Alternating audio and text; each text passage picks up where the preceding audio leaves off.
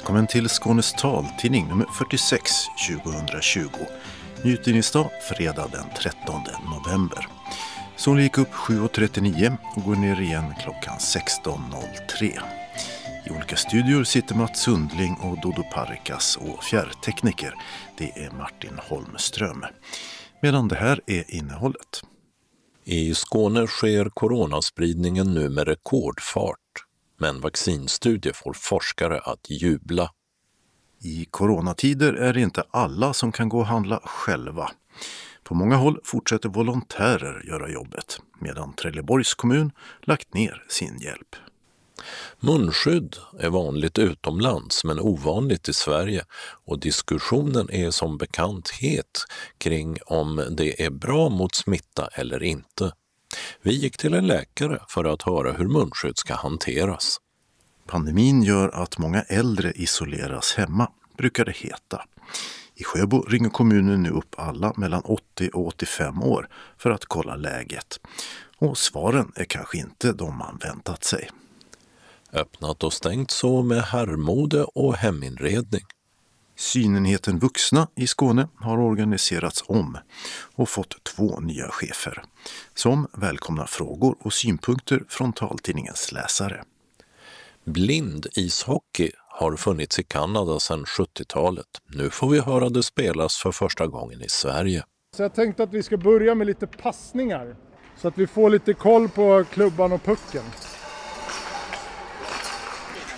Det som låter är pucken. Evenemangstips på det med syntolkning och södergran. Kalendern därpå med domssöndag och naziprocess. Och anslagstavlan är idag gemensam för hela Skåne och den innehåller meddelanden och ändringar i kollektivtrafiken. Och allra sist redaktionsrutan. Ja, I Skåne har spridningen av coronaviruset ökat snabbt de senaste veckorna och är nu på rekordnivå. I tisdags rapporterades över 1400 nya fall av covid-positiva, den högsta siffran hittills. Och det är 10 procent av alla fall som upptäckts sedan pandemins början i mars. Visserligen testar sig nu fler skåningar än någonsin, men andelen positiva provsvar ökar också. Antalet inlagda på sjukhus har ökat kraftigt sedan i oktober och var över 100 i början av veckan. Och det är fler än någon gång i våras när pandemin var som värst. Det har fått Region Skåne att be privata rådgivare att skicka personal så att fler vårdplatser ska kunna öppnas. Det är främst bland yngre coronaviruset sprids. Sju av tio är under 50 år och behöver sällan sjukhusvård. Men även bland äldre sprids covid, om än långsammare. Ett antal äldreboenden i Skåne har också drabbats av covidutbrott och flera har infört besöksförbud, trots att det inte är tillåtet enligt lagen. Folkhälsomyndighetens skärpta allmänna råd med avrådan från till exempel shopping, resor och nära kontakter utanför familjen gäller till den 17 november. Men de kan komma att förlängas och även skärpas. Ett exempel på det är att regeringen nu vill se ett alkoholförbud på alla svenska krogar efter klockan 22. Dessutom måste de stänga klockan 22.30. Det här förslaget ska nu ut på remiss och är tänkt att gälla från den 20 november till den 28 februari. Det gäller för alla verksamheter med serveringstillstånd och är ett försök att stoppa smittspridningen.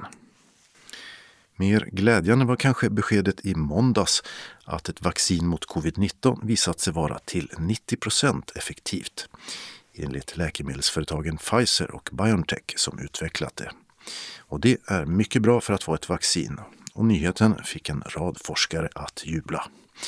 Det är fantastiskt bra nyheter och resultaten är väldigt goda, sa till exempel regeringens vaccinsamordnare Richard Bergström till bland andra Dagens Nyheter.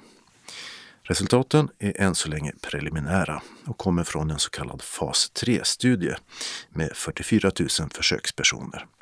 Inga allvarliga biverkningar har hittills rapporterats. Och det här vaccinet är först att redovisa resultat från slutfasen i försöken av många som är under utveckling just nu. Och det här vaccinet det är ett av dem som Sverige genom EU-kommissionen kan få del av. Som läget ser ut nu kan vaccinering av svenskar börja redan i januari enligt vaccinsamordnaren Richard Bergström. Och det sker då enligt Folkhälsomyndighetens prioritering. Och först ut blir de som är över 70 år eller tillhör en riskgrupp tillsammans med personal i sjukvård och äldreomsorg. När coronapandemin tog fart i våras var det många kommuner som startade volontärverksamheter av olika slag. Nu har pandemin pågått i åtta månader och vi hörde oss för i några kommuner om hur det fungerar nu. Trelleborg hade gratis hjälp med inköp för de som var 70 plus eller i någon annan riskgrupp via telefonlinjen Äldreomsorg Direkt. Men den tjänsten lades ner i augusti. Liselott Andersson är anhörig konsulent i Trelleborgs kommun och en av dem som svarar när någon ringer till Äldreomsorg Direkt. Vi blev tilldelade den uppgiften att bli en liten coronalinje kan man säga, där man kunde ringa om man hade frågor om hur ska vi klara vardagen nu när corona är så aggressivt. Vi började med att alla var bekymrade över inköp i affärer, apoteksärenden och eh, vi la ju fram att det var en stor efterfrågan av detta och då blev det ett samarbete med civilförsvaret och kyrkan och kommunen. Vilket innebar att vi hade ett gäng volontärer då som skötte inköp till äldre över 70 som kände sig i riskzonen. Detta pågick från april till augusti. Och det var kostnadsfritt. Man fick handlat en gång i veckan och man ringde till oss och skrev upp inköpslistor och sen skickade vi iväg dem. Och det fungerar väldigt bra. Det var cirka ett 40-tal som nyttjade denna tjänsten. Var det en populär tjänst bland de äldre? Det var det och det var väldigt tacksamma över det hela och eh, var kostnadsfritt. Eh, de var ju väldigt glada över det här och eh, det blev ju så under samtalets gång när de pratade, berättade sin matlista så pratar man ju om eh, alla vardagliga bekymmer och tankar under coronatiden. Så det blev ju ett samtal som eh, betydde mycket varje vecka. Man fick ju en bra kontakt med alla de här som ringde och beställde sin mat. Och av alla de som ringde så var det ju ingen, vad vi vet, som blev sjuka i corona heller. Det kändes väldigt tryggt att det blev så bra för dem. Men sen så beslutade man att ni inte längre skulle få fortsätta med det här? Ja, vi fick ett samtal eh, att vi skulle avsluta mm, den här tjänsten då man hade haft förvaltningsövergripande hade haft ett möte med politikerna. Och nu hade det pågått några månader och eh, det var ju en akutinsats och nu tyckte man att man skulle försöka lösa på annat vis och sen var det en väldigt stor omkostnad. Det kostar väldigt mycket pengar som man kom fram till här då. Så det avslutades. Eh, inom en vecka hade vi avvecklat alltihopa. Och eh, det var ju ett hårt slag såklart, men det löstes ganska bra med några sommarjobbare som hjälpte till och vi hade några volontärer som var under 70 som hjälpte till också och eh, många ordnade det själva och vissa mm, fick ansöka om ett, om ett bistånd hos en handläggare inom kommunen då som de hade behov av i vanlig ordning att ansöka om, om inköp då. Men då hamnade kostnaderna på de äldre istället? Det gjorde det. Då fick man betala för den tjänsten så att säga. Men nu när man ser att eh, smittspridningen i samhället på nytt börjar att ta fart, hur känns det att inte kunna erbjuda det här när folk ringer? Ja, jag måste ju erkänna att precis när vi fick beskedet att det skulle avslutas så kändes det ju inte bra. Men när vi har hört hur det har lösts så har vi inte fått några samtal över att de är bekymrade att det inte har fortsätter längre. Man går ut och handlar och har munskydd och handskar eller man, man går på vissa tider och så men vi har inte blivit nerringda överhuvudtaget om det hela. Men visst känns det lite att man är lite orolig, ska våra äldre nu? Men det som många äldre har sagt, bara för att vi är äldre så betyder det inte att vi inte kan ta eget ansvar och tänka själva och sådär. Och en anledning till att det blev dyrt i Trelleborg det var att de som hjälpte till också till viss del fick en ersättning från kommunen. I Landskrona startade kommunen också en möjlighet för äldre och andra i någon riskgrupp att få hjälp av volontärer. Sebastian Sanchez Rivero är ansvarig från kommunen där och han berättar att man med hjälp av Svenska kyrkan och Hela Ideella, som är en sammanslutning av flera ideella organisationer, fick igång en verksamhet dit ett hundratal volontärer anmälde sig. Och ett femtiotal Landskronabor anmälde att de ville ha hjälp med framförallt handling och medicinuthämtning. Men vid en genomgång för en tid sedan så var det många av volontärerna som av olika skäl inte längre kunde fortsätta. Och en del av dem som tidigare velat ha hjälp var inte längre i behov av det utan hade hittat andra vägar genom till exempel släkt och vänner eller att de själva nu går ut och handlar. Och I Landskrona pågår just nu en utvärdering av volontärverksamheten och hur den ska se ut i framtiden. En annan kommun som var tidig med att anlita volontärer och starta en organisation kring detta, det var Kävlinge kommun. Men här ser man ingen avmattning när det gäller antalet volontärer som vill hjälpa till. Just nu så är det 157 volontärer som är beredda att hjälpa till med handling eller hämta ut mediciner, böcker och så vidare. Och efter att ha haft igång verksamheten i kring åtta månader så är den stora utmaningen att försöka få fram uppdrag till de många som vill hjälpa till, så att de inte tröttnar när efterfrågan på hjälp inte är lika stor. Kim Balatom Blom är hälsoinformatör i Kävlinge kommun. Det är fortfarande många som är intresserade av att hjälpa till. Men precis som i våras så är det ju färre som anser sig ha hjälp, behov av hjälp. Så det känner vi att eh, vi behöver nå ut till fler som verkligen behöver hjälpen. Och hur många är det som vill ha hjälp? Jag tror det är 70 uppdrag som är beställningar. Men där är vissa som är återkommande. Hur mycket betyder den här verksamheten i kommunen tror du under den här pandemin? Så den är jätteviktig. Det har vi hört i alla fall från de som får hjälp. Vi har gjort utvärderingar under tiden och eh, de eh, tycker det är ovärderligt det innebär ju stor skillnad för dem att de slipper ta sig ut och riskera sin, sin hälsa. Det ger väldigt mycket trygghet och värde för dem. Vad tror du det är som gör att folk vill hjälpa till? Vi har ju haft intervjuer med eh, volontärer som, som hjälper till och det är ju framförallt att man vill göra gott, att det ger eh, en slags känsla att man gör någon annan att väl. Att det är det här att man mår bra och hjälper andra. Det sa Kim Balaton Blom, hälsoinformatör i Kävlinge och tidigare hörde vi också Liselott Andersson i Trelleborg. Reporter var Åsa Kjellman Erisi.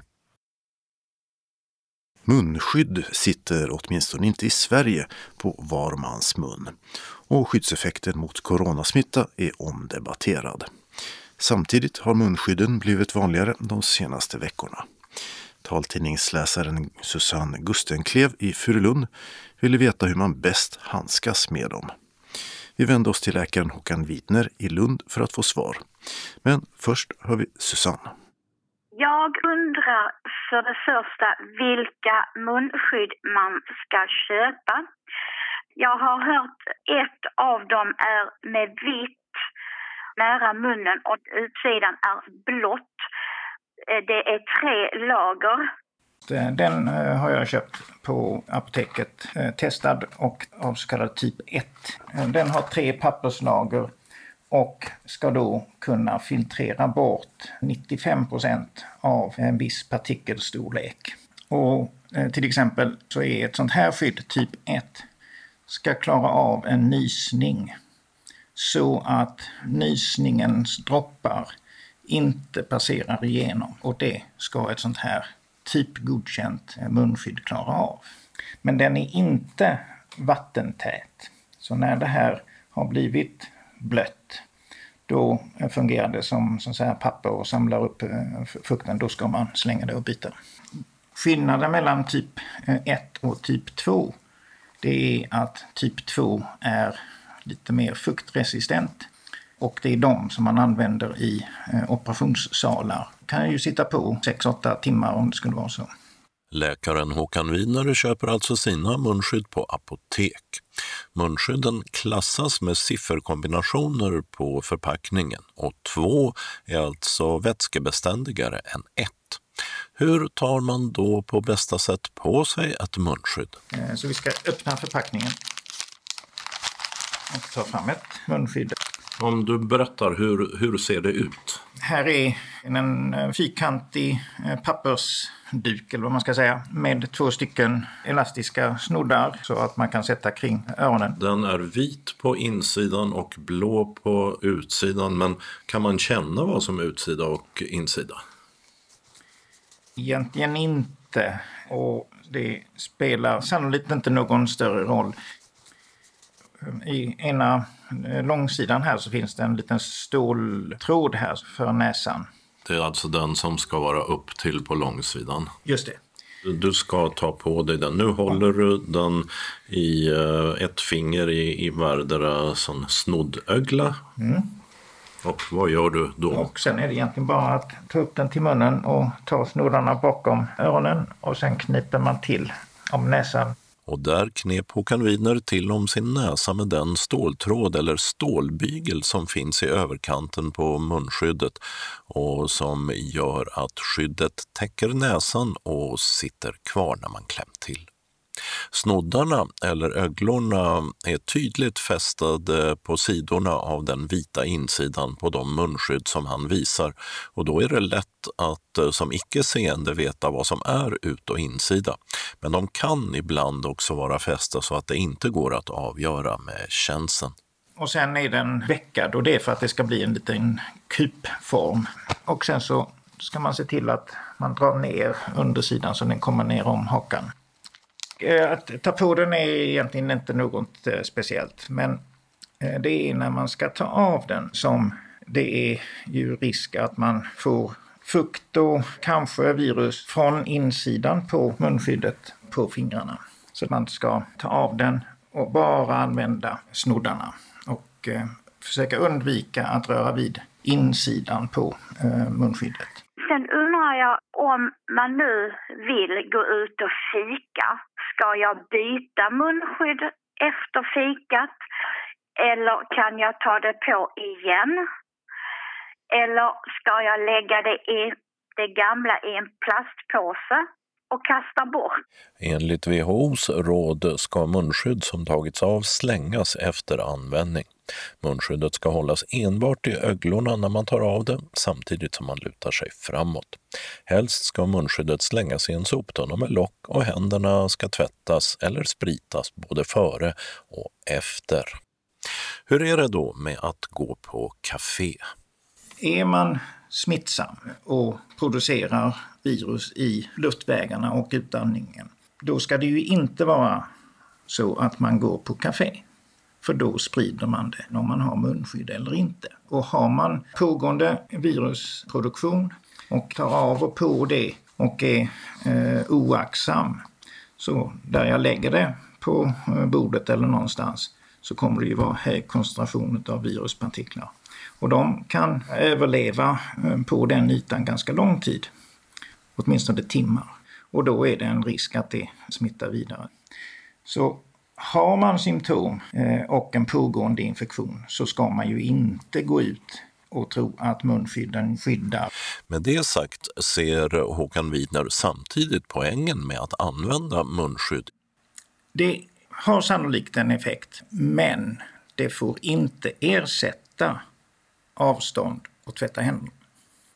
Det är den absolut viktigaste råden, att man håller avstånd mer än en meter och sen är det viktigt att ofta och regelbundet eh, tvätta händerna. Och i princip varje gång man har tagit av ett munskydd så är det bra att man använder handsprit eller eh, tvättar av händerna. Nu kommer du med en handsprit från apoteket. Den där har jag för mig 70 procent alkohol. Ja, 70 procent eh, eller däromkring är den gängse handspritsandelen som eh, anses vara effektiv. Eh, det kan variera lite i hur man anger procentdel. Det kan vara volymsprocent. Så här är 75 procent i volymsprocent. Sen är det då vikt och då blir det lite annorlunda. Men, men det är den storleksordningen. Och där är det lite så att säga, lustigare eller att ren sprit, 100% i ren sprit, fungerar alltså sämre än 70-procentig. Och det beror på att den är för stark och dödar viruset sämre. Så det optimala är ungefär 70-procentig handsprit. Och sen har du lagt fram någonting som jag känner igen från senaste gången jag slipade köksbänken. Det här är en, ett dammskydd en glasfiber eh, munskydd eller andningsskydd. Det är för just damm. Så ett sånt här glasfiber dammskydd skyddar ingenting. Och ett sånt munskydd ger falsk trygghet. Det här bildas kondens på insidan och hanterar man inte rätt så petar man i allt det där och det, då blir det koncentrerat med viruspartiklar. Och sen har du en till uh, som är uh, i tyg. Ja, och det här är ju det som man ser överallt. Ibland väldigt eh, stylade. De är ofta väldigt bekväma och eh, ger en känsla av skydd. Kruxet är att eh, jämfört med pappersmunskydden så eh, är de flesta som gjorda i tyg inte tillräckligt bra. Och så kan de bli fuktiga eh, och eh, ge en så att säga, ansamling av, om man nu har viruspartiklar i luftvägarna, så blir det högkoncentrerat. Några varningens ord här på slutet alltså från läkaren Håkan Widner. Till vardags på neurologen på Skånes universitetssjukhus i Lund. Vi hörde även läsaren Susanne Gustenklev som hörde av sig till taltidningen med frågor om munskydd. Har du kanske en fråga? Kontaktuppgifterna till redaktionen hittar du i redaktionsrutan sist i tidningen. Reporter var Dodo Parikas. Under pandemin har inte minst många äldre vittnat om att de inte vågar gå ut och träffa folk av rädsla för att bli sjuka. Men att bli sittande hemma kan ju leda till ensamhet och isolering. Inte bra för hälsan det heller. Så regeringen har gett statsbidrag till kommunerna för att motverka ensamhet. Sjöbo kommun bestämde sig för att ringa upp alla 700 invånare som är mellan 80 och 85 år för att ta reda på hur stor ensamheten är och om det finns förslag på vad som skulle kunna göras. Lotta Tröjer är en av tre personer som just nu ringer runt. Och mest förvånad är hon över att ensamhet inte verkar vara något större problem, av svaren hittills att döma. Vi vill ta reda lite på hur det, hur det är med de äldre, om det är många som känner sig ensamma och vad vi i så fall kan göra för dem. Vi vill liksom även se hur situationen har varit redan innan corona och även nu.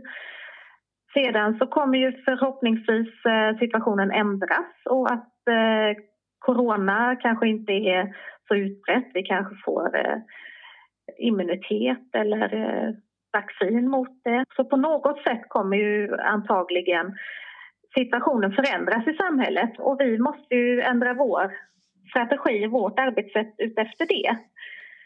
Eh, och då är det ju bra att ta reda på just vad pensionärerna efterfrågar. Särskilt då de som känner sig ensamma i samhället. Och när ni nu har hunnit ringa till ett eh, antal personer, hur reagerar de? Ja, de flesta är nyfikna och vill ställa upp och svara direkt. Jag har ingen som eh, har vägrat svara för att de inte vill.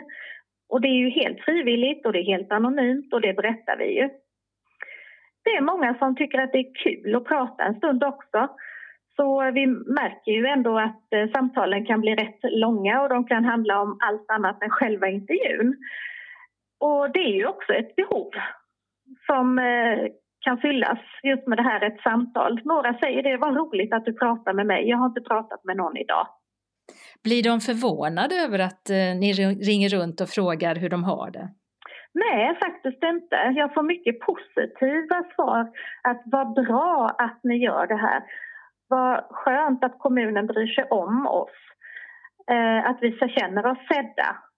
Ja, det är väl på tiden att eh, vi liksom tar reda på hur de har det och att det inte bara är att vi hittar på aktiviteter eller gör saker utan att vi frågar. Det jag i alla fall har märkt det är ju att många vill ha någon att prata med. träffa några andra äldre i samma situation. Men är man ensam och inte har några vänner runt omkring sig i livet eller att släktingar bor långt borta och så, så då är det inte lätt att hitta likasinnade. Och det är väl det de efterfrågar många. Ett sammanhang att kunna träffas och prata och umgås. Har du själv fått några idéer på hur man då skulle kunna lösa det här med just eh, efterfrågan på andra äldre som man vill komma i kontakt med? Alltså det är ju ändå en form som jag redan arbetar med. Mitt arbete är just att eh, samla äldre till olika aktiviteter. Men då har det ju mest varit kanske färdiga aktiviteter som olika hantverksgrupper, kortspel, frågesporter, bingo, eh, samkväm av olika sorter när vi har uppträdanden, föreläsningar eller sådant. Vi har även haft eh, lite kaféverksamhet just att bara bjuda in folk att komma och de ska veta att ja, men nu kommer vi och det finns eh, alltid någon att sitta och prata med. Men eh, det verkar inte riktigt som att eh, alla vet om att det finns. Sen är kommunen stor och detta är då förlagt till kärnan i eh, Sjöbo. Så att eh, jag kanske inte nått ut till så många. Och hur vi ska göra där sen, det vet jag inte. Visst, man börjar spåna lite men jag kan inte gå in på det för att jag jag vet inte vad som komma skall av detta senare. Egentligen skulle alla från 80 år och uppåt i Sjöbo kommun ringas. Men den gruppen blev för stor, så i första hand så tog man gruppen 80 till 85-åringar. Efterhand så ska man sen se om man behöver ändra på något vis eller utöka gruppen, säger Lotta Tröjer. Och att man gör undersökningen just nu, det handlar om en satsning på att motverka ensamhet. Ja, vi har alltså fått statsbidrag för att motverka ensamheten och eh, ett sätt att eh, göra detta är ju att börja med en marknadsundersökning för att veta hur vi ska göra. Och det är därför vi ringer runt. Vi ansåg att det skulle vara bättre än att skicka ut eh, en enkät till folk. Och varför tänker ni att det är bättre än en enkät? För det första, det är samtalet, att ha någon att prata med. Det är en viktig del i sig. Kommer det ett papper så är det lätt att missförstå frågorna och man svarar inte på precis det som vi vill veta. Det kan vi ställa om frågan så att vi får den riktad på det viset som vi har tänkt oss och få in svaren. Och sen så är det nog många som lägger den. Man tänker, glömmer av det, man skickar inte tillbaka den. Så att, eh, vi tänkte att detta är nog det bästa sättet, även om det tar tid. Och det som förvånat Lotta Tröjer mest hittills, det är att ensamheten inte är så stor som hon befarade. Ja, det förvånar mig faktiskt att eh, inte fler är ensamma eller känner sig ensamma. Nu är det detta en liten grupp av alla de här vi ska ringa till som jag ännu har hunnit nå, så jag kan inte uttala mig direkt rakt över vad vi kommer komma fram till eller så. Men utav dem jag har hunnit nå än så länge så är jag förvånad över att det ändå är så pass få som inte känner sig ensamma.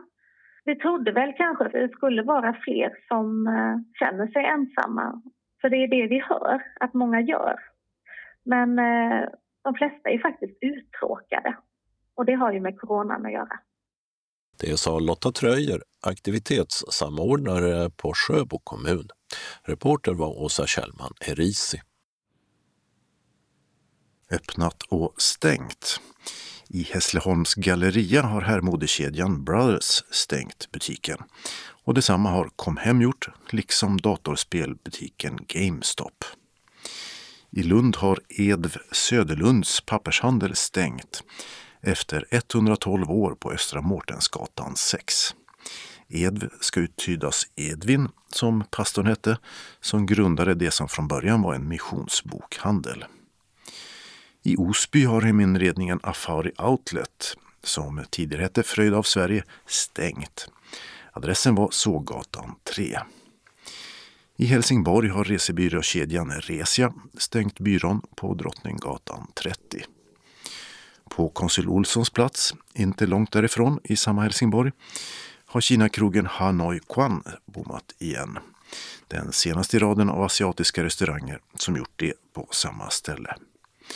Och runt hörnet därifrån har Clas Olsson stängt butiken på Kullagatan 30 mittemot Magnus Stenbock-gallerian. Butiken på Väla finns kvar. Och i själva gallerian Magnus Stenbock har Åhléns meddelat att de stänger sitt varuhus vid årsskiftet. Och I veckan meddelade också Åhléns att de stänger sitt varuhus på Storgatan i Ängelholm. Men först i juni nästa år. Väla Helsingborg blir då det enda stället i nordvästskåne som de finns kvar på. I Malmö har det franska bageriet och kaféet Gastel öppnat på La Rochegatan 7 nära Lilla torg. Och några meter västerut har sushihaket Kyoto öppnat. Adressen dit är Engelbrektsgatan 6. Och i lokalen låg tidigare vietnamesen Bun Bun och en tidigare The English Shop. Och på köpcentrat Stora Bernstorp utanför Malmö har Dogman-kedjan öppnat en ny butik. Synenheten Vuxna, som håller i rehabiliteringen för skåningar med synnedsättning, har omorganiserats. Enheten har som tidigare fyra mottagningar och är en del av Region Skåne. Men istället för en chef är de sedan några veckor tillbaka två. Och så här presenterar de sig själva. Jag heter Jessica Petkowski Dagsland. Och bredvid dig står din kollega, för ni är två. Mm, jag heter eh, Nesrin Dahil. Ja, hur ser ni ut till att börja med? Ska vi börja där? Kan du beskriva ditt utseende, Jessica? Jag är, eh, jag är 1,70 lång. Jag har, eh, jag har inte ljust hår och inte mörkt hår. Man kan väl säga brunt hår, mellan, mellanbrunt hår. Som når lite längre än till axlarna. Men jag har faktiskt oftast uppsatt till hästsvans. Och det har jag idag också. Jag har eh, blå ögon, lite melerade blå ögon, inte helt klarblå ögon. Nesrin? Mm. Och jag är 167 centimeter lång. Har lång eh, brun hår som är lite lockig. Gröna ögon. Ja, helt vanlig utseende man kan säga. Och anledningen till att ni är två istället för en som det har varit tidigare, du nästan har jobbat bara sedan i september om Precis. jag förstått rätt. Ja, vad beror det på? Det är egentligen att man har gjort en... Tidigare var det ju en enhetschef och så har man sett över organisationen så man har valt att ha två enhetschefer istället. Eh, och anledningen till det tänker jag är bland annat att det är svårt för en enhetschef att vara på fyra olika. Vi har fyra mottagningar. Vi har ju Kristianstad, Helsingborg, Lund och Malmö. Att det är svårt för en enhetschef att vara tillgänglig och närvarande på fyra olika mottagningar i Skåne. Så därför har man gjort det istället, eller vi gjort att man är två stycken. Så vi har ju två mottagningar var som ansvar, men vi är ju fortfarande en enhet. Det är ju viktigt, så vi är samma, det är synenheten vuxna, så vi har ett delat ledarskap. Mm. Två mottagningar var, vilken har ansvar för vilka? Så jag och Jessica, jag har ju ansvar för eh, Lund och Helsingborg. Mm. Och jag, Nesrin, har för Malmö och Kristianstad. Finns det något annat i omorganisationen som ni tror att de som besöker eller använder er kommer att märka av? Vår förhoppning är ju att det inte ska märkas för våra besökare eller de som kommer till oss, den här omorganisationen. Vi har ju samma riktlinjer och samma förhållningssätt och samma arbetssätt målet är att patienterna ska få samma, samma insatser på alla fyra mottagningar oavsett eh, vem eh, ansvarig chef är. Sen är det ju så att vi samarbetar ju mycket mellan mottagningarna Precis. och det är ju viktigt att vi har det här samarbetet ja. kring kompetens och, och, så, så att man ska ju få samma rehabilitering var man än går någonstans mm. på våra mottagningar. Och det kanske är bäst att reda ut eh, för nytillkomna lyssnare och läsare här. Eh, ja, vad gör en synenhet egentligen? Vad är ert uppdrag? Om vi tar det från grunden så att säga. Till oss så kommer man ju via ögonläkare då på remiss. Och det är ju när man ser så pass dåligt så att man inte så man har svårt att klara sin vardag på grund av sin synnedsättning. Så det kan vara till exempel att man inte längre kan läsa vanlig text eller att man eh, har svårt att orientera sig och förflytta sig. Så det är just alltså när man inte klarar de vardagliga aktiviteterna längre på grund av sin synnedsättning. Det är ju flera olika yrkeskompetenser som jobbar hos oss. Så då är det ju rehabilitering och träna, träna i de vardagliga aktiviteterna. Så om man har tappat synen och fått en läkarremiss då kommer man till er och får till exempel hjälpmedel? Kan ja, det kan vara hjälpmedel och det kan ju vara träning också i aktiviteter. Till exempel att läsa kan ju vara en aktivitet som kan vara svår. Eh, sen har vi ju även kurator och psykolog så man kan ju få samtalsstöd och behandling också. Hjälp med förflyttningar också. Ja. Och kan man väl säga då det är ni som är den centrala aktören när det gäller just rehabilitering för den som inte ser i Skåne. Eh, det finns väl inte så många andra som gör det ni gör på kommunal nivå till exempel kvar? Nej, det gör Nej. det ju inte. Eh, syninstruktörer finns inte kvar så det är ju vi som har den rehabiliteringen. Mm. Det är på regionsnivå, inte på kommunalt. Mm. Så i princip om man känner att vardagen inte riktigt funkar eftersom man har tappat synen så kan man uh, höra av sig till er. Om man ja, har det är ju det att vi behöver en remiss via mm. ögonläkare så det är ju den vägen man får mm. gå. Man kommer på remiss och sen kommer man ju, då gör vi ju en första kartläggning. Man träffar ofta synpedagog vid första besöket eller synpedagog och kurator. Och då gör man en kartläggning hur, vilka behov man har och så. Och sen är det utifrån det man sätter upp mål och gör åtgärder. Så en rehabilitering kan ju se väldigt olika lång ut och den kan ju förändra sig under vägen också för målet kan ju förändra sig. Mm. Människor förändras ja, helt ja. enkelt. Sen är det ju första gången man kommer till oss som man behöver en remiss. Sen så behöver man ju inte remiss om det skulle bli aktuellt igen utan då tar man ju kontakt med oss direkt nya, men inte alla nya på synenheten så kan man väl säga. Nesrin, du är ganska ny i den här branschen kan man säga. Vad har du gjort tidigare?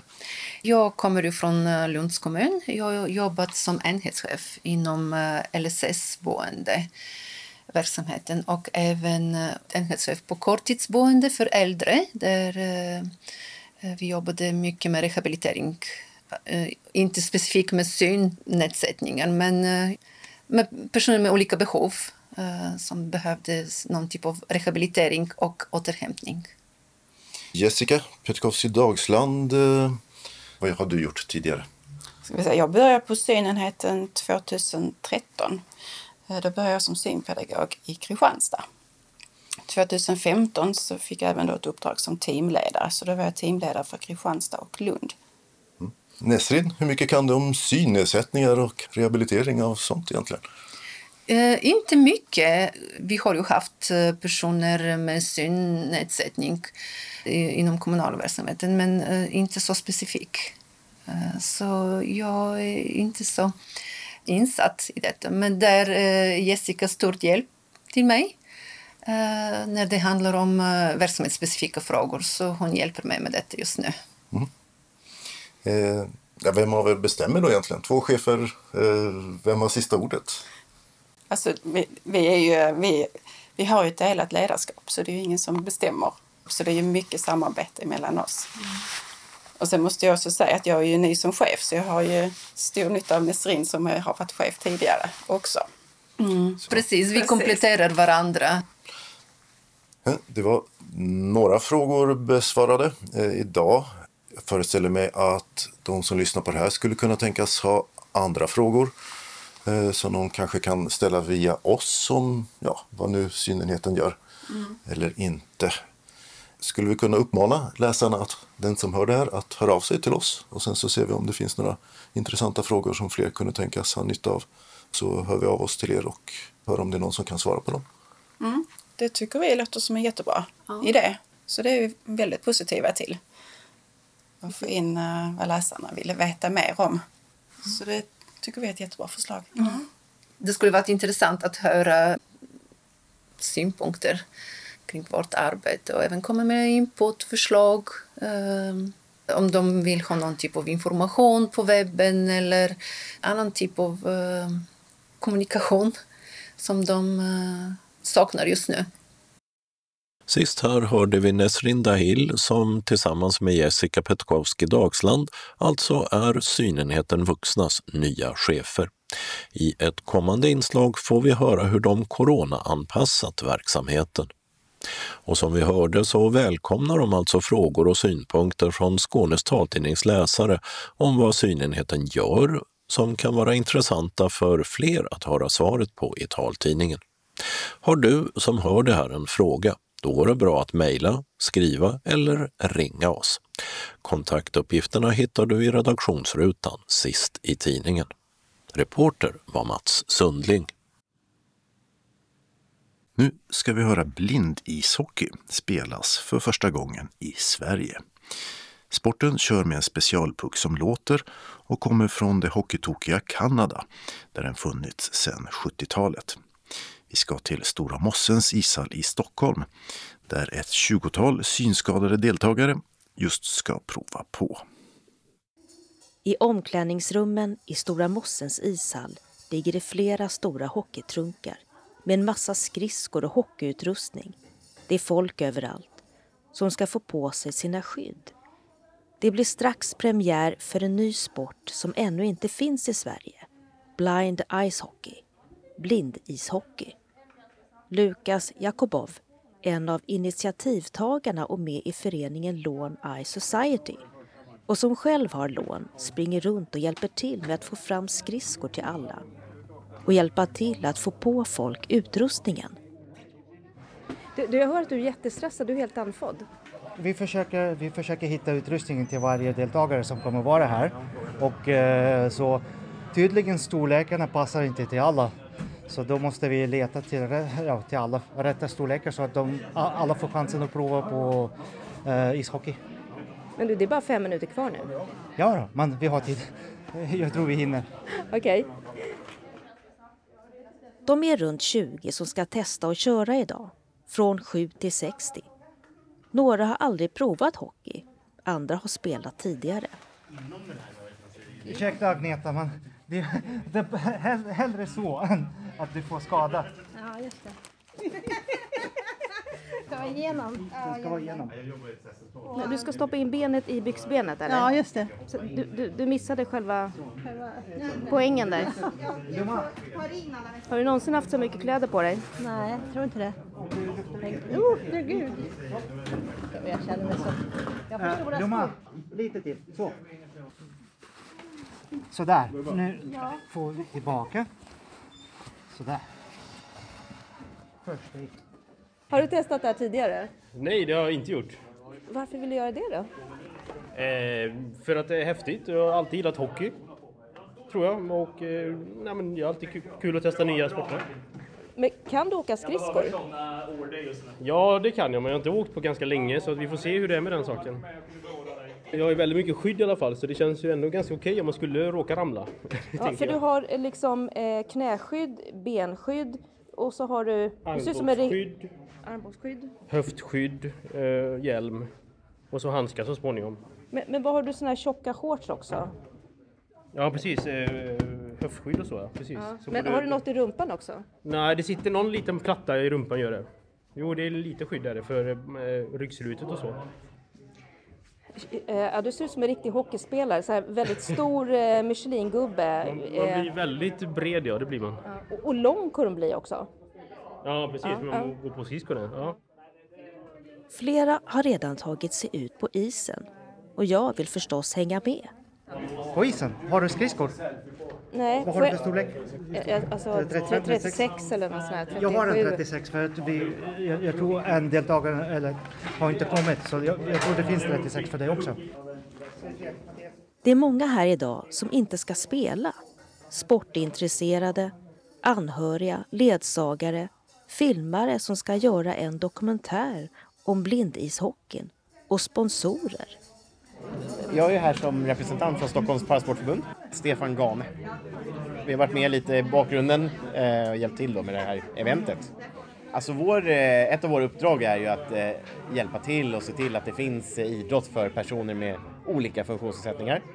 Bland annat då de med synnedsättning. Och därför så var vi intresserade av att hjälpa till med att, Eh, när Lukas kontaktade oss då om, och, om vi kunde hjälpa till med lite olika saker. Eh, så vi har hjälpt till att sprida inbjudan såklart eh, till de kanaler vi har. Och, eh, och sen så har vi eh, varit lite bollplank under processen med att ta fram lite upplägg och sånt. Det är första test idag ju eh, och det är ju historiskt eftersom det inte har spelats i Sverige förut den här sporten då.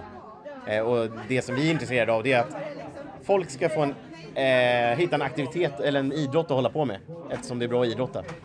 Det är lite vårt intresse här. Jag ser att du har inga skridskor på dig. Eh, nej, jag får tyvärr stå över själva idrottsaktiviteten för jag har varit sjuk här under veckan. Så, att, så det har varit eh, lite segdraget. Skulle du ha provat annars? Jag skulle ha kört annars. Jag är lite besviken, men så är det. Äntligen är alla som ska vara med samlade med sina klubbor på isen. Ett gäng hockeykillar med röda tröjor från klubben Göta Traneberg ska hjälpa till. Deltagarna kör blågult. Sportchefen Erik Tessmar leder kvällens övningar. Ja, eh, vad kul. Välkomna hit till eh, Stora Mossen och Göta Traneberg.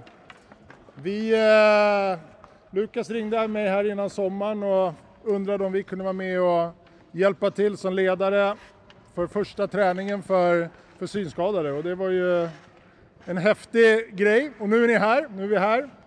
Eh, idag tänkte jag, jag tänkte lite grann att vi skulle prova oss fram. Vi har ju lite olika nivå på er som är här. Vissa är det första gången för, vissa åker bättre skridskor och vissa åker knappt alls. Så att vi försöker att prova oss fram lite grann. De här puckarna är ju härliga att hålla på med så jag tänkte att vi ska börja med lite passningar.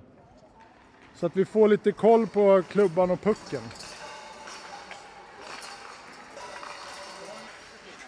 Det som låter är pucken. I blindishockey är den tre gånger så stor som en vanlig puck. Den är ihålig av metall med kullager i. Målen är också mindre och målvakten måste ha ögonbindel. Alla andra kan ha olika synnedsättningar. Klubborna är precis som de vanliga av kolfiber. Det finns en del mindre andra anpassningar också. Blindishockeyn, eller blind ice hockey, kommer från Kanada där det började på tidigt 70-tal. Men sedan 2010 så har sporten vuxit snabbt. Och nu finns det flera lag som spelar i nationella turneringar där. Det är nytt i Sverige, men i Finland finns sporten. Är det första gången ni har det här? Oh ja, oh ja. Det är det. Ja, vad tänkte du när du fick erbjudandet? Häftigt. Jag varit undrande till hur det skulle gå till. Det är, tyvärr är man lite, man har lite förutfattade meningar så det första tanken var att alla var blinda helt. Jag tänkte hur ska vi lösa det här? Men sen så efter att ha träffat Lukas några gånger och, och fått förklarat för mig så, nej men det här kommer gå galant. Hej Felicia! Har du gjort det här förut? Eh, nej, absolut inte. Men hur, hur svårt är det här då? Eh, alltså just nu bara glider det på. Vad håller du på med andra idrotter? Nej, jag springer bara. Jag tycker det är kul. Springa och vandra och gå och sånt. Men Så att vi får ner puckarna hit grabbar. Hur går det för dig? Ja, men det går bra. Skridskoåkningen funkar eftersom jag ja, har lärt mig åka för länge sedan.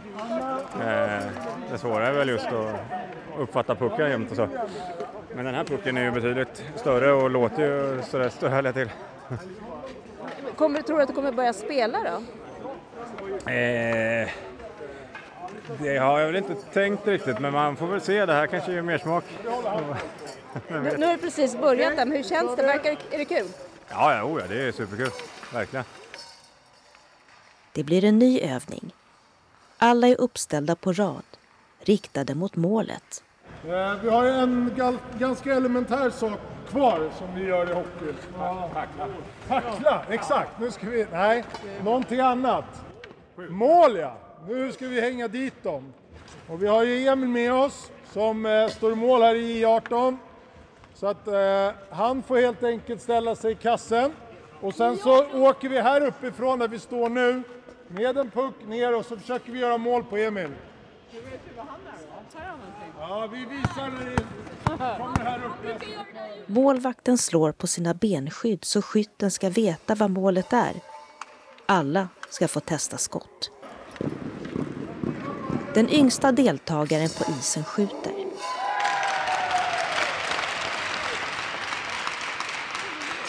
Hon gjorde mål, hon gjorde mål, hon gjorde mål! Hej, vad heter målgöraren? Thea. Hej Thea, du, eh, du gjorde mål. Ja. Hur går det med skridskoåkningen? Eh, det går bra. Och klubban, hur känns den idag? Den är bra. Vem är det som eh, är här bredvid? Eh, Det är Theas pappa. Va? Va- Vad tänker du, ska du börja med hockey? Ja. Om, om jag får säga bara, alltså, eh, jag, jag skulle vilja gärna tacka alla er som har varit involverade, hjälpt er med både istiden, tränare, ledsagare, eh, ja, sponsorer som har gjort eh, eller gör filmningen. Och deltagarna för att ni, är- ni, ni, ni är jätteviktiga. Jag hoppas att ni ty, tycker om själva Eh, projektet och eh, hockey och hoppas att det blir inte bara engångsgrej, att det blir återkommande träningarna så småningom. Så tack alla er som, som kom hit idag. Och eh, ja, jag skulle vilja gärna ge applåd för, för er för att eh, det är ni som är stjärnor här. Det är allt, a, a, a, allt tack vare er att ni kunde komma. Hoppas att ni stannar och äter med oss och snackar lite.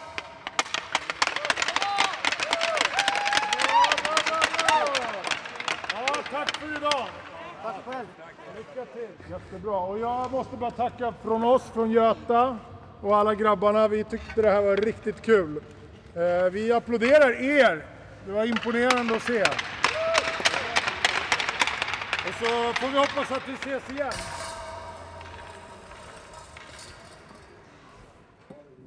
Tillbaka till herrarnas omklädningsrum.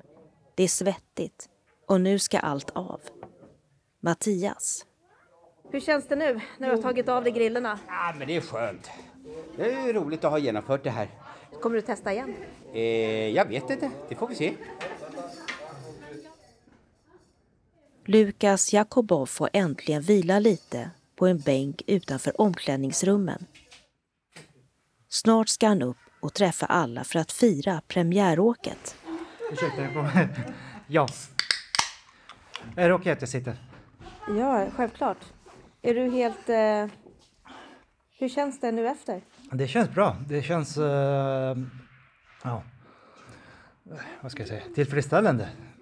Att, eh, att det är ja, äntligen genomfört.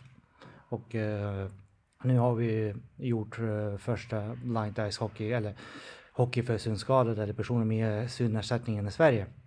Så det, är, eh, det känns lyckat. Jag kan säga att kvällen blev lite över förväntat. Det går att spela hockey med synskada. Så ja, målet är uppnått. Nu gäller det att fortsätta vidare. Varför ville ni göra just det här? Oj, för sport är bra för hälsan och eh, Varför just blindhockey av alla sporter? ja, för jag tycker det är kul. Och eh, jag kan säga Blindhockey finns inte i Sverige. I Sverige är det för få aktiviteter för synskadade, äh, vinteraktiviteter. Det finns äh, five, five side fotboll, fotboll där du spelar med ögonbindel. Det finns golfboll, det finns skjutning. Men det finns inte isaktiviteter äh, i form av lagaktiviteter som hockey. Så det är något som jag tror på kommer växa så småningom här i Sverige också. Som sagt, sport är bra. Jag blev imponerad att det går att spela hockey även med synskada. Vad är då nästa steg? Nästa steg, fortsätta eh, förhandla med klubbarna, fortsätta fråga deltagarna om de vill fortsätta träna vidare. Då kan, då kan jag börja för, förhandla med eh, Stockholm Parasport och försöka bygga kanske ett litet hockeyteam som kommer spela en, två gånger i månaden och ha kul. Hur eh, mycket kommer du eh, spela hockey själv då? Varje gång när det finns möjlighet. sa initiativtagaren till blindishockeyn, Lukas Jakubov, som alltså som nämndes i inslaget är aktiv i Lawn Eye Society, LHON. och det är en förkortning för Lebers hereditära opticus neuropati. Ibland också kallad Lebers kongenitala amauros eller ärftlig synnervskada. Reporter var Aziza Dawadi på taltidningen Läns och riksnytt i Stockholm. Evenemangstips. Vi börjar med syntolkad TV, närmare bestämt i TV4.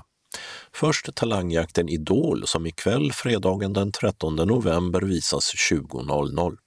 Resultatshowen börjar 22.26 och Idol Extra 22.46. Detsamma gäller den 20 och 27 november samt 4 december. Matlagningsprogrammet Halv åtta hos mig sänds 16, 17, 18, 19, 23, 24, 25, 26 och 30 november samt den första, andra, tredje, sjunde, åttonde, nionde, tionde, fjortonde, femtonde, sextonde och sjuttonde december 1930. Husdrömsserien Grand Designs går 16, 23 och 30 november och sen 7, 14 och 21 december 20.00. Antikgissningsprogrammet Bytt är bytt sänds 19 och 26 november 20.00 och den omdiskuterade dramadokumentärserien Drottningarna om svenska drottningar visas 19 och 26 november 21.00. Jul med Ernst sänds i år från Julita gård i Sörmland och visas 1, 8, 15 och 22 december klockan 20. Hela Sverige bakar går den 18 och 25 november samt 2 och 9 december 22.00. Datingprogrammet Bonde söker fru sänds 18 och 25 november samt 2, 9, 16 och 17 december klockan 20 följt av specialsändningarna Bonde söker fru Vad hände sen? 22 december 21.00 samt Bonde söker fru 15 år som går först efter jul den 27 december klockan 20. Mandelmans jul sänds 21 december 21.00 och annandag jul, 26 december, är det dags för det royalistiska återblicksprogrammet Kungahuset 2020. Jultjutet, ja det är faktiskt namnet på Helsingborgs stadsteaters stora satsning med start 27 november som pågår fram till 12 december. Plats Lillan, alltså Lilla scenen och dess nyrenoverade foyer med kultur och happenings i alla dess former. Minst en smällkaramell som de skriver utlovas varje dag.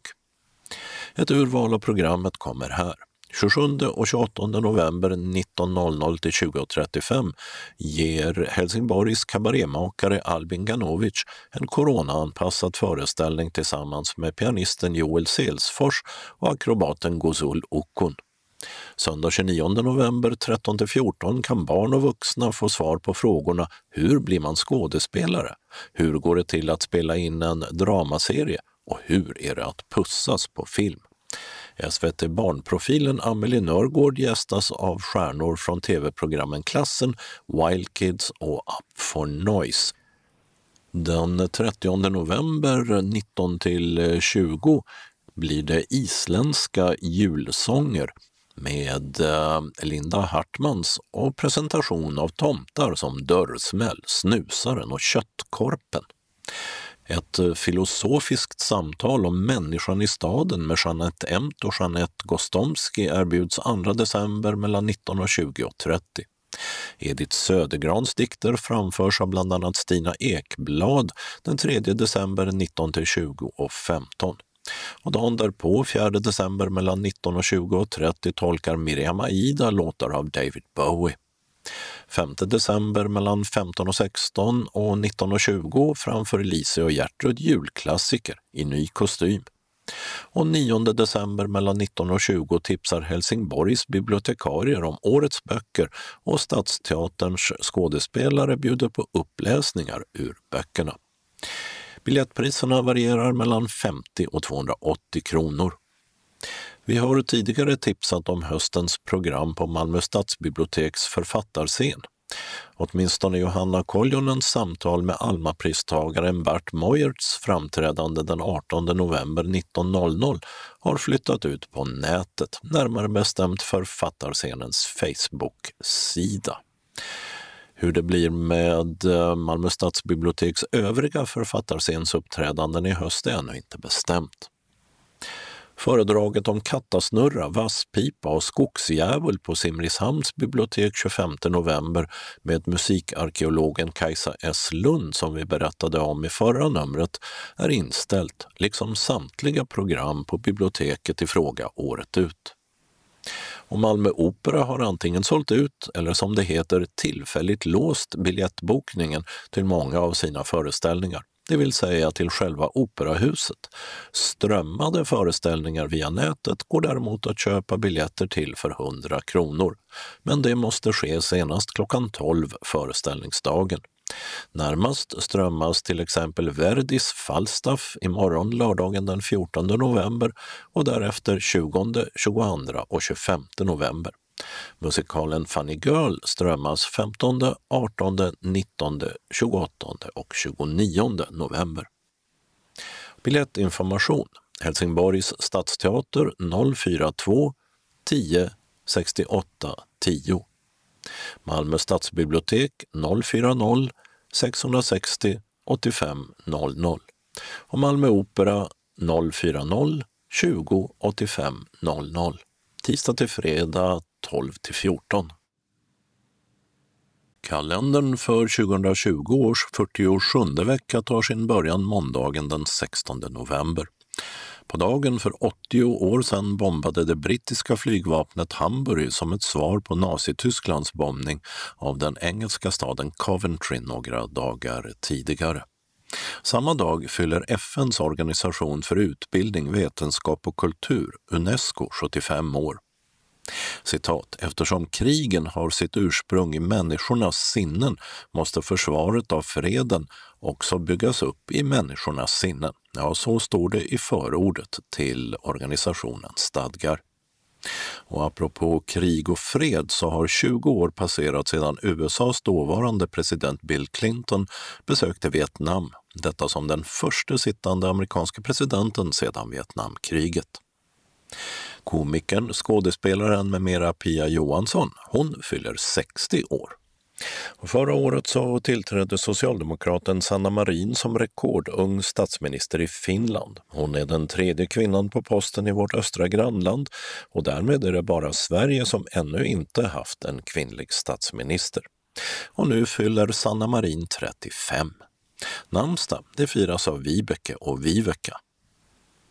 Tisdagen den 17 november heter namnsdagsbarnen Naimi och Naima.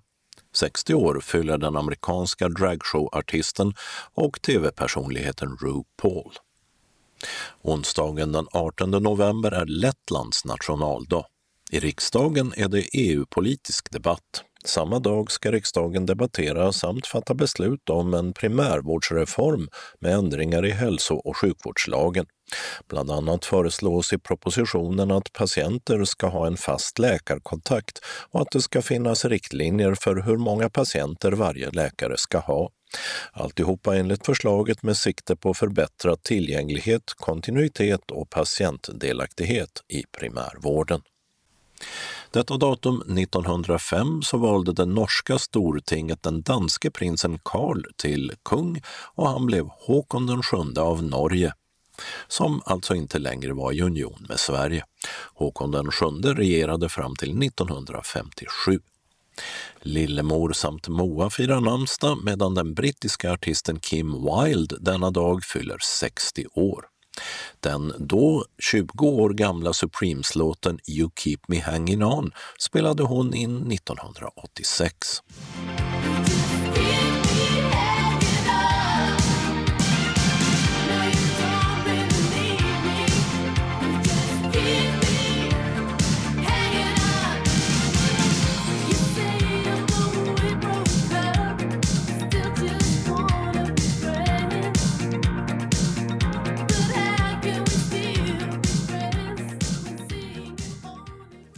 Torsdagen den 19 november är världsdagen mot barnmisshandel, instiftad så sent som för 20 år sedan. Syftet är att uppmärksamma utsatta barn världen över och öka medvetenheten om övergrepp mot barn, att mobilisera den allmänna opinionen och sprida förebyggande handlingsprogram mot övergrepp. Och det må vara en urusel vits, men det är definitivt ingen skitsak att detta även är världstoalettdagen. Att det i vår världsdel är självklart att ha fungerande toaletter behöver inte att så är fallet på många andra håll i världen, vilket medför stora hälsorisker. Det är även den internationella mansdagen och Monacos nationaldag. Namnsdag, det har Elisabet samt Lisbet. Fredagen den 20 november är det Pontus och Marina som har namnsdag. På dagen för 75 år sedan började Nürnbergprocessen som var den första av Nürnbergrättegångarna mot nazistiska krigsförbrytare. Och visserligen fyller han inte jämnt, men så här efter det amerikanska presidentvalet kan det ändå passa att nämna att Demokraternas Joe Biden, efter allt att döma tillträdande president, fyller 78 år. Lördagen den 21 november är Helgas och Olgas namnsdag. För 25 år sedan undertecknades Daytonavtalet som avslutade det så kallade Bosnienkriget. 55 år blir den egensinniga isländska sångerskan och skådespelaren Björk Gudmundsdottir känd som bara Björk och 75 år fyller den amerikanska skådespelaren Goldie Hawn, Hollywoodstjärna i bland annat en rad filmer som i Sverige fick förledet Tjejen som, däribland Tjejen som gjorde lumpen. Söndagen den 22 november är Sisselas och Cecilias namnsdag. I den kristna kalendern är detta domssöndagen, vilket är kyrkoårets sista dag, ej att förväxla med yttersta domen. Och den astrologiskt intresserade vet att vi nu går in i skyttens stjärntecken. Som Tysklands första kvinnliga förbundskansler har Angela Merkel styrt landet i 15 år denna dag, alltså sedan den 22 november 2005. Detta datum 1975 utnämndes Juan Carlos till spansk kung och han var med om att lotsa landet från Francos diktatur till demokrati. Tidigare i år gick den 82-årige Juan Carlos i landsflykt i Förenade Arabemiraten efter en rad solkiga ekonomiska oegentligheter. Anslagstavlan för hela Skåne börjar med en inbjudan från SRF Skåne till litteraturträff på distans, per telefon eller dator.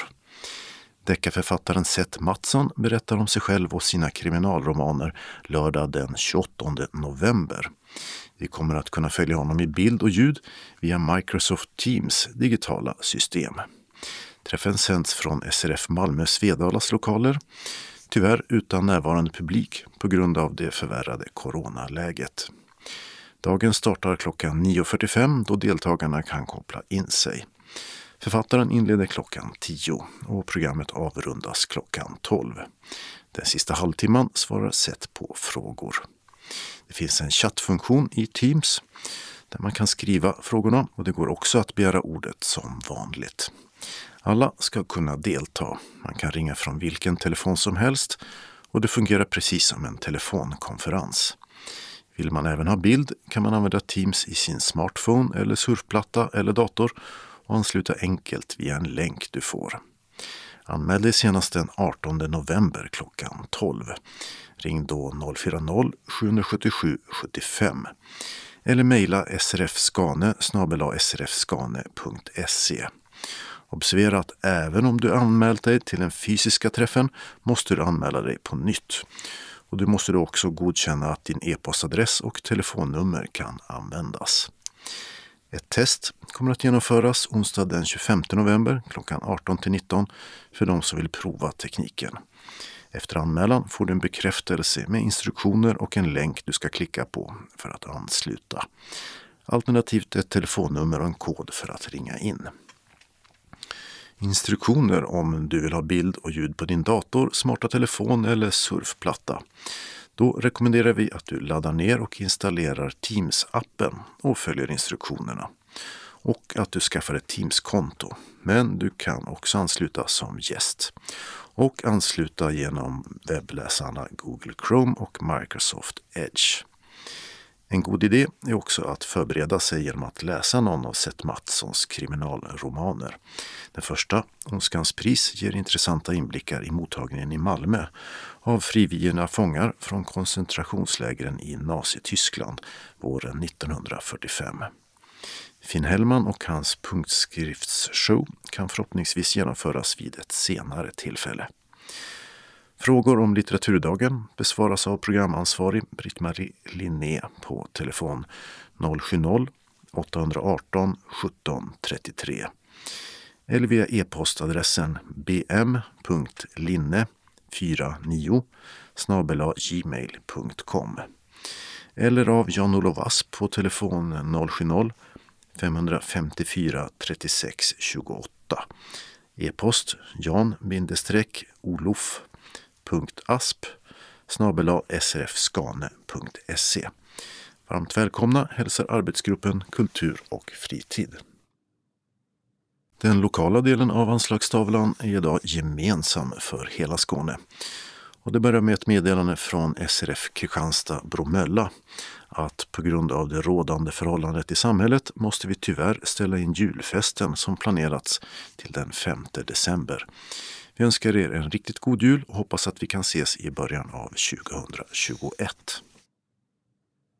SRF Lundabygden hälsar att du härmed bjuds in till årets sista föreningsmöte, som kanske är det viktigaste under 2020. Torsdag den 26 november klockan 18 till 21. På grund av pandemin kan du delta genom ett telefonmöte, men även på plats i föreningslokalen. Till de som anmäler sig till telefonmötet kommer deltagarkoder att meddelas. Vi ska tillsammans bestämma vilken verksamhet vi ska ha under 2021 och vad den får kosta. Verksamhetsplan och budget ska alltså fastställas. Vi ska också bestämma vilken medlemsavgift vi ska betala för nästa år. Styrelsen har bjudit in Jan-Olof Asp från SRF Skånes styrelse för en kort presentation. Du som kommer till föreningslokalen på Tordensvägen 4i i Lund bjuds på en lättare förtäring. Sista anmälningsdag hit är den 23 november.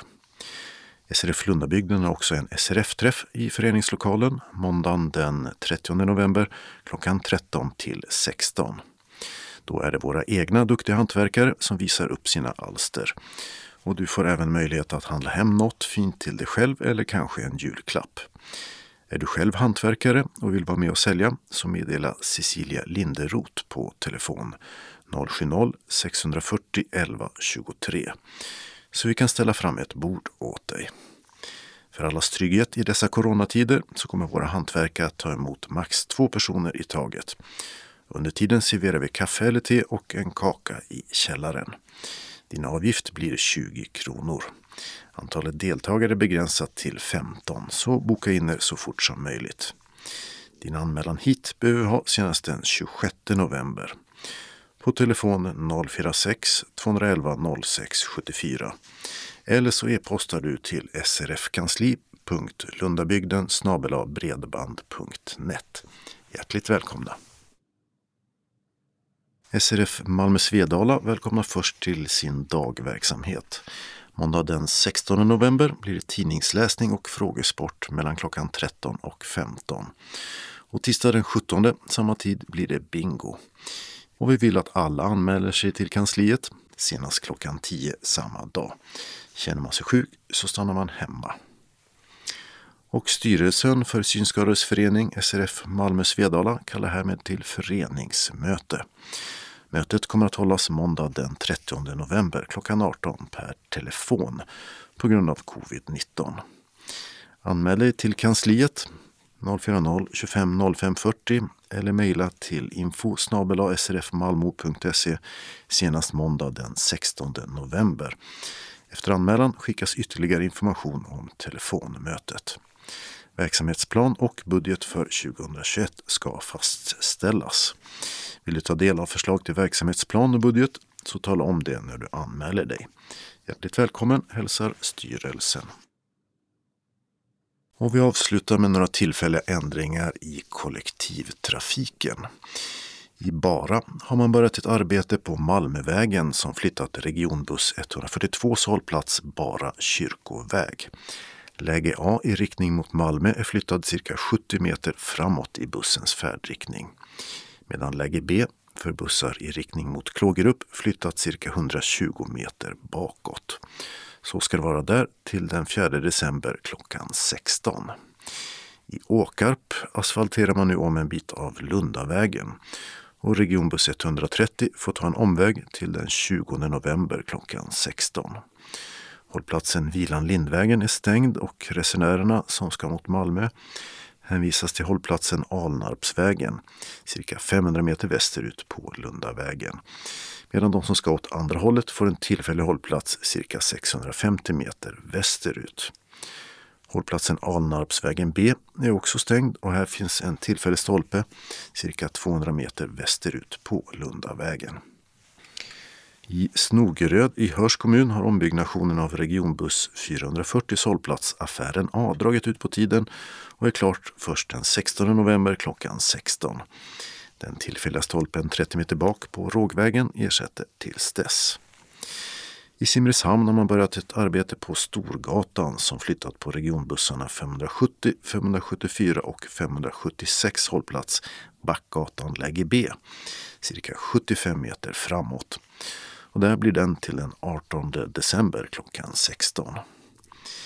I Kristianstad ska man göra vid Snapphanevägen och det får regionbussarna 544, 545 och 550 att ta en annan väg från klockan 7 den 16 november.